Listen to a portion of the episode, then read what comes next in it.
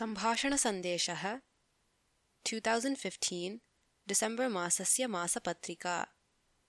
बालमोदिनी। जीवनसूत्रम्।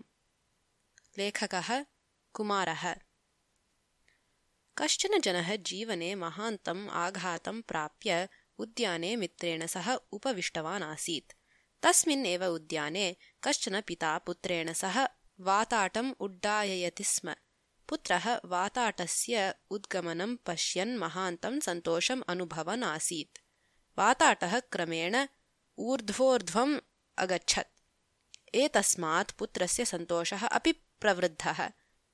अत्रान्तरे वाताटस्य सूत्रस्य अन्त्यभागः प्राप्तः।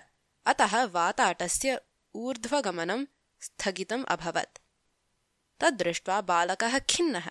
सः पितरमवदत् पितः एतस्य सूत्रस्य कारणात् एव वाताटः इतोपि ऊर्ध्वं गन्तुं न शक्नोति। अतः अहं सूत्रं खण्डयिष्यामि। तदा वाताटः इतोपि ऊर्ध्वं गमिष्यति इति। सूत्रखण्डनं मास्तु इति यावत् पिता अवदत्। तावता पुत्रेण सूत्रं खण्डितम् आसीतेव। वाताटः स्वल्पसमयपर्यन्तम् आकाशे उपरि अधः च अचरत्। ततः आकाशात् अपतत् च तद्दृष्ट्वा बालकः नितरां खिन्नः अभवत्।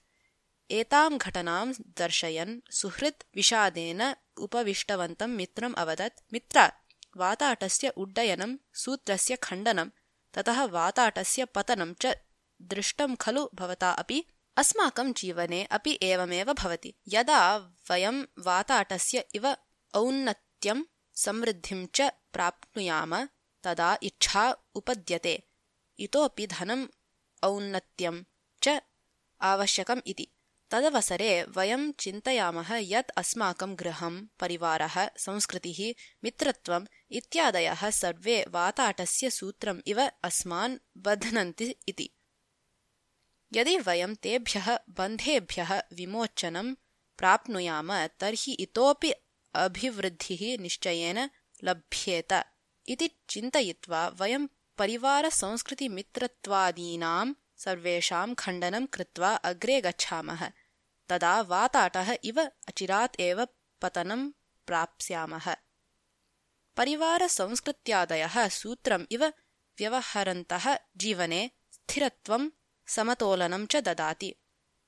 तस्मात् एव कारणात् उच्यते तेषां खण्डनं कदाचिदपि न करणीयम् इति।